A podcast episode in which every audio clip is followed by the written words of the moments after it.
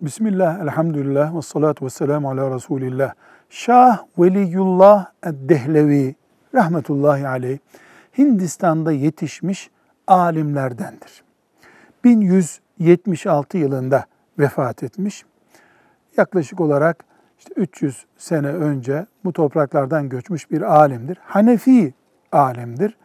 Hüccetullahil Baliga isimli eseri ibadet ve kulluk mantığı üzerine okunması tavsiye edilebilecek muhteşem bir eserdir.